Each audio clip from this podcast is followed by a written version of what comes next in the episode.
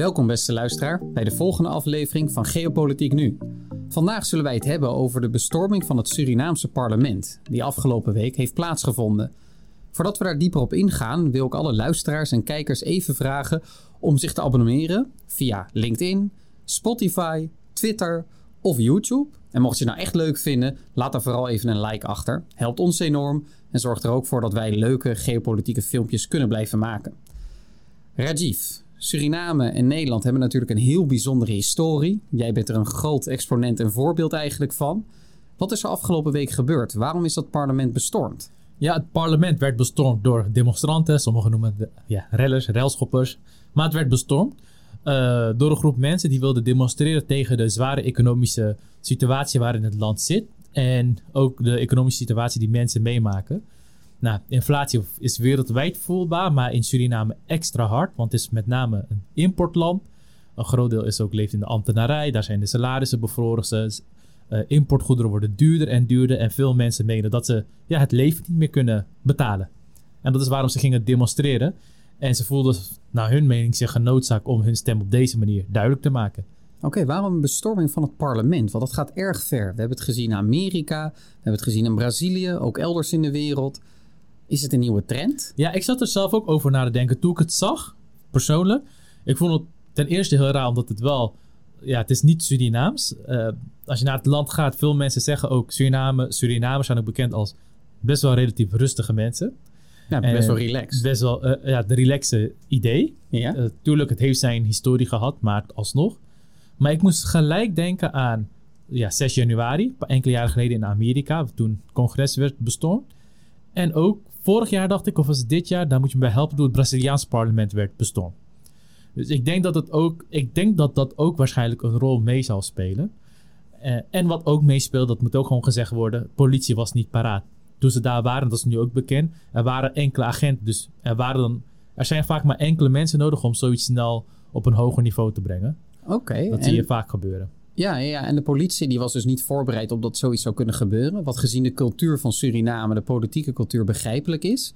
Maar is de crisis nu zo diep dat mensen hier zich toe gedwongen voelen? Of heeft het te maken met toeval? Of speelt ook de rol van oud-president Bouterse misschien nog een belangrijk aspect? Ja, wat je, en dat zie je denk ik wereldwijd terug, dus ook in Suriname, is dat er gelijk wordt gekeken naar het politieke aspect. Dus er zijn ook coalitiegenoten die hebben gezegd dat waarschijnlijk de NDP, partij van Bouders, een rol zal hebben gespeeld.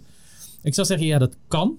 Maar ik zou daar niet vooral de, de kernrol in zoeken. Het heeft gewoon, denk ik, wel echt te maken dat er zijn gewoon mensen die best wel groot veel pijn voelen uh, van de economische crisis. En ja, dat zij zich zodanig uh, in het hoek gedreven voelen dat zij dan door dit soort acties overgaan. En ik zou denk ik daar zoeken dan uh, ja, of de oppositie een rol speelt. En wat denk ik ook een, een rol zou kunnen spelen, dat is helaas wel zo, is ook etniciteit. Suriname is een land met heel veel verschillende etniciteiten. En ook als je gewoon naar de beelden kijkt, dan zie je dat met name mensen met een Afro-Surinaamse achtergrond, eigenlijk dat zij vooral gingen demonstreren. Waren van andere etniciteiten. En dat heeft eigenlijk ook te maken met welke posities zij in de economie spelen. Oké, dus jij denkt dat de rol van de oppositie te marginaliseren, te beperken is. Je denkt niet dat Bouters de grote mastermind achter dit protest is geweest. Maar wel de rol die mensen innemen in de economie. En dat heeft een hoge correlatie, een hoog verband ook met hun etnische positie. In het etnisch zeer diverse Suriname. Welke rol neemt de Afrikaans-Surinaamse gemeenschap in in Suriname? Als je kijkt naar de economie, dan zie je dat zij voornamelijk werkzaam zijn in de ambtenarij. Suriname kent een enorm grote ambtenarij, bijna de helft van de gehele beroepsbevolking. Van de gehele beroepsbevolking. Om een vergelijking te trekken. In Nederland is dat rond de 1 op de 10. Ja, en in uh, ja, Suriname is het bijna de helft.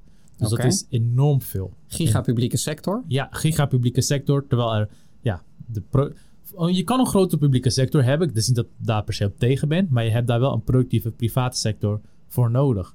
En dat mis je vaak in dat land. En oké, in de private publieke sector kan je een leuke baan hebben, ambtenaarbaan met een goed salaris. Maar als er bezuinigd moet worden, zien we ook in Nederland, zijn het de ambtenaren salarissen die er als eerst ja, worden bevroren en eraan gaan. En dat zie je dus ook daar terug. Oké, oké. Dus vooral vanuit de ambtenarij heb je het idee dat er veel protesten zijn geweest. Als je kijkt naar de sociale zekerheid. als ik, de sociale zekerheid, dat wil ik net op ingaan. Maar excuses dat ik je onderbreek. Ja, dus de ambtenarij enerzijds. De tweede kant is ook de sociale zekerheid. Waarop ook is bevroren. Oké. Waarom is er zo een economische crisis in Suriname? Want je zou kunnen zeggen, het is een land met 500.000 inwoners, heeft een geografisch goede positie. Eh, het kan heel erg makkelijk handelen, want het heeft toegang tot alle wereldzeeën. Het heeft een gigantisch groot achterland ten opzichte van het aantal inwoners. Zeer vruchtbare grond. Er zijn zelfs grote oliefondsen gedaan. Waarom staat Suriname er zo ontzettend slecht voor? Ja, dat is, om eerlijk te zijn, dat is zelfs bij menig Surinaams of Hindoestaans familiefeestje wordt dit besproken. Van, er- we hebben letterlijk alles en geen enkel natuurlijke rampen. Dus we hebben gewoon het tegenovergestelde wat bijvoorbeeld Japan heeft. Die heeft geen enkel natuurlijke hulpbron en alle rampen die ik kan voorstellen. Ja, En ik denk mede dat de samenstelling van het rol, een volk een sp- een rol speelt. Als je verschillende etniciteiten hebt, ga je spanningen krijgen aan het begin. Dat kan een rol spelen. Dus de, De- Surinaamse identiteit is nog niet sterk genoeg om alle etniciteiten samen te verenigen. Wel sterker dan vroeger. Dat moet ik wel zeggen. Vroeger was het echt sterker etnisch, eh, ja, gebaseerd op verschillende etnische lijnen. Ja, We zien dat, dat met name de jaren 80, dat is wat mensen weer wel, eh, ja, aan Bouterse toekennen. Dat die had ervoor gezorgd dat de etnische spanningen minder werd- werden. Mensen wat meer Suriname gingen voelen. En met name in de jeugd zie je, zij voelen zich ook eerder Surinamer dan hun eigen etnische lijnen. Dus bij de jeugd is de Surinaamse identiteit sterker. Ja, veel sterker. Dat is wel zo. Oké, Eh, en, eh, en toch nog even diep inga- Mhm. of dieper ingaan op die politieke partijen. Mhm. Die zijn vooral etnisch gebaseerd. Dus een etniciteit is gekoppeld aan een bepaalde politieke partij. Inderdaad. Dus je hebt de grootste partij nu, de VHP, was van origine sterk op Hindoestanen gericht. eh, ja, gericht. Het oorspronkelijk stond ook Verenigd Hindoestaanse Partij. Nu is het het eh, Vooruitstrevend Hervormingspartij. Dan had je de NPS was op de Creolen gericht. De eh Afro-Surinamers die in de steden wonen. En dan heb je de ABOP van Brunswijk gericht op de binnenlandbewoners. Ook van Afrikaanse afkomst. Ja, ga zo maar door. En de NDP van Bouters is de enige partij die eigenlijk gericht was op alle etniciteiten. Oké, dus Bouters was daar een uitzondering in. Inderdaad. En je ziet dat hij daarin de, de, het raam heeft geopend voor andere partijen om erin door te groeien. Dus nu zie je eigenlijk in alle partijen ook wel alle etnische elementen in terug. Krijgen ze dan ook een sterkere ideologische component? Dus laten we zeggen, de een wat meer conservatief, de ander wat progressiever, de een wat rechtser, de ander wat linkser. Zie je dat ook steeds meer op de voorgrond Ja. komen? Dat is heel interessant, wat ik zelf ook zie en waar ik zelf ook bij mezelf in ja, filosof, eh, filosofeerde. Is vroeger was het meer etnisch gericht. Je ziet dat alle partijen willen wat meer multi-etnisch zijn, wat ik zelf een echt voorstander van ben. Ook heel goed vind voor de eenheid van het land. Maar dat ze daarom aan het, dat merk je heel sterk, aan het experimenteren zijn. Ook aan het zoeken zijn bij zichzelf. Oké, maar als, alle etnische, als daar niet onze kracht in ligt, dan waar, ja, waar staan wij dan eigenlijk voor? Ja, wat dan wel? Wat dan wel? En dan zie je dan nu, de laatste jaartjes, 1 tot 3 jaar, zie je dan heel sterk dat de VHP zich sterk liberaal ligt. Je zou in mijn optiek de VHP de VVD van Suriname kunnen noemen. Een soort mix van D66 en de VVD. Ja, heel sterk. Dus ideologisch gaan zij die kant op. Oké, Eh, de NDP van Bouters zou je, los van de geschiedenis, maar qua etnisch-economisch eh, economisch beleid, zou je de PvdA kunnen noemen. oké. En dan de ABOP van Runnen Brunswijk zou je de SP. Heel sociaal gericht, gericht op sterke sociale voorzieningen, dat soort zaken. En de partij van Soma Harjo? De partij van Soma Harjo, dat zie je dus ook terug, die is ook heel sterk gericht op dat socialistisch element. Dat is ook een van hun motto. Maar je ziet dat als meerdere partijen eenzelfde soort ideologie aanhangen op economisch gebied, dat dan maar één van de twee partijen kan overleven. Dus je ziet dat bijvoorbeeld bij aan de socialistische linkse kant heb je de ABO PL. De PL is bijna op sterven na dood. Ze halen amper zetels binnen. Bij de liberale hoek had je dan de, VV, de VHP en de NPS. Die deed zich ook voor als wat liberaal. Maar daar zie je ook, die halen ook maar één tot twee zetels binnen. Dus je ziet dat partijen ook aan zichzelf aan het nagaan zijn waar staan we precies voor. Tegelijkertijd zie je ook als twee partijen voor eenzelfde ideologie gaan, dat ze ook dan dat er maar eigenlijk eentje wint. Oké, dan concurreren ze vooral op ideologie en steeds minder op etniciteit. Inderdaad. De etniciteit speelt nog steeds een belangrijke rol. Dat wordt ook niet vergeten. En ze erkennen dat ook bij zichzelf. Maar het wordt wel steeds minder.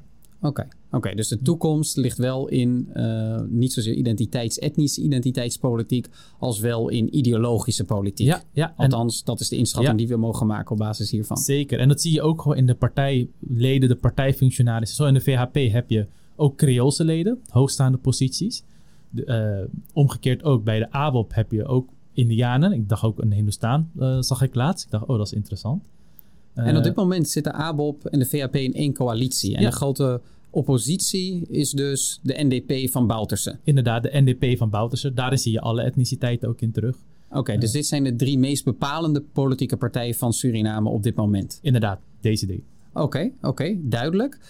De economie heeft de afgelopen tien jaar dus veel rampspoed meegemaakt. Waar is dat door gekomen? Want dat was eigenlijk mijn ja. eerste vraag. Eh, maar het staat er nu heel erg slecht voor, ondanks de gigantische voordelen die Suriname heeft. Hoe komt dat? Ja, dus het eerste element is dat etnische element. Dat eerst voor spanningen zorgde. Ja, zijn er spanningen, dan kan een land moeilijk vooruit gaan. Maar dat wordt nu wat minder. Nou, dan zei je, oké, waar ligt het dan nu aan? Ik denk enerzijds met de demografie. 500.000, 600.000 mensen. Dat kan een rol spelen, maar ja, Kuwait, Dubai, Abu Dhabi hadden nog minder mensen. En die staan er ook nog veel beter voor. En het derde element, en dat is waar ik zelf in geloof, is de resource curse. Wat je ook in Afrika ziet. Dat hoeveel ja, hoe, uh, hoe meer natuurlijke hulpbronnen je ter beschikking hebt, hoe in mijn optiek luier de innovatieve kracht van een land wordt. Het is niet zozeer dat mensen lui worden, maar innovatieve kracht neemt af. Logisch, als jij geld kan verdienen door een boom te kappen, te graven, goud te pakken en te verkopen, dan heeft dat een andere prikkel op jou dan als jij geen natuurlijke hulpbronnen hebt en je gedwongen bent om te innoveren, uh, je te richten op kennis. En dat zie je in Suriname ook terug alle industrieën, de grootste industrieën, zijn gericht op natuurlijke hulpbronnenextractie. Goud, vroeger bauxiet, olie. Ja, ga zo maar door. Ook zelfs de grootste Hindoestaanse bedrijven, eigenlijk gericht op natuurlijke hulpbronnen. Landbouw, dat is ook een natuurlijke hulpbron. Oké, okay, dus de Surinaamse economie die leidt eigenlijk onder een soort resource curse. Dus er wordt zoveel uit de grond gehaald en het is zo rijk dat het eigenlijk de innovatiekracht van Suriname geërodeerd heeft, minder gemaakt heeft. De toegevoegde waarde van de Surinaamse economie is beperkt. Dit is versterkt door de gigantische ambtenarij, waar de arbeidsproductiviteit ook niet al te hoog ligt. Wat er uiteindelijk voor zorgt dat de private sector eigenlijk een soort molensteen om de nek heeft hangen, die dan niet volledig tot bloei kan komen. Inderdaad. En, en, en dan, er is amper een privaat, sorry, er is amper een private sector in mijn optiek. Want als je de natuurlijke hulpbronnensector eraf haalt, ja, dan stelt de export eigenlijk niks voor. Oké, nou dat zegt genoeg, denk ik. Toch nog één element wil ik benoemen. En dat is de rol van Daisy Bouters in de afgelopen tien jaar. Wat is die geweest? Want Suriname stond er in 2010 vele malen beter voor dan toen hij twee jaar geleden aftrad. Wat is er gebeurd? Ja, daar ben ik zelfs ook verbaasd. 2010 was ik ook in Suriname. Land, het land voelde gewoon veilig aan. Je had ook het gevoel, het land gaat vooruit. Sterker nog, rond die periode gingen best wel een aantal Surinamers van Nederland terug naar Suriname. Uh, Nederland was, dacht ook, het is een gouden toekomst, een rooskleurige toekomst. Uh, economie stond er goed voor, begrotingskort enzovoort. Nou, wat deed Bouterse? Uh, hij was meer gericht op het spending spree, zoals ze dat in het Engels zeggen. Dus heel veel geld uitgeven, meer dan wat er binnenkomt. En op een gegeven moment kom je tegen schulden aan die je moet terugbetalen. En dat kon hij niet. Oké, okay, en die schulden die had hij ook uitstaan bij landen als China? Inderdaad, land, landen als China, bij allerlei banken, Oppenheimerfonds. Dus overal waar hij kon lenen, ging hij geld lenen. Um, ja, om subsidie te versterken, sociale zekerheid te versterken, uh, infrastructuurprojecten. Maar ja, hij kon het niet terugbetalen. Oké, hij kon het niet terugbetalen. En hij had natuurlijk ook een gespannen relatie met het Westen en vooral met Nederland. Vanwege een uitspraak dat hij in de druk zat en dat hij eigenlijk een straf moest uitzitten in Nederland. Dus dat heeft er ook voor gezorgd dat de banden met Nederland enorm onder druk kwamen te staan. In de langere podcast gaan we daar natuurlijk langer op in, op de geschiedenis van Suriname. En ook op de relatie met Nederland. Wat maakt Suriname nou eigenlijk zo bijzonder? Wat is het toekomstperspectief van Suriname? Want het heeft een gigantisch toekomstperspectief als die olie uit de grond gehaald gaat worden over 5 à 10 jaar. Dan kan Suriname een van de rijkste landen ter wereld gaan worden. Maar de komende jaren in die IMF-onderhandelingen zal het nog erg zwaar blijken te zijn om dat punt te behalen. Daar gaan we uitgebreid op in. Dan wil ik jou voor op dit moment heel hartelijk danken, Rajiv. En natuurlijk ook de luisteraar. We hopen dat jullie afstand hebben genomen van jullie ongeïnformeerde zelf. Abonneer je en blijf luisteren. Heel hartelijk dank.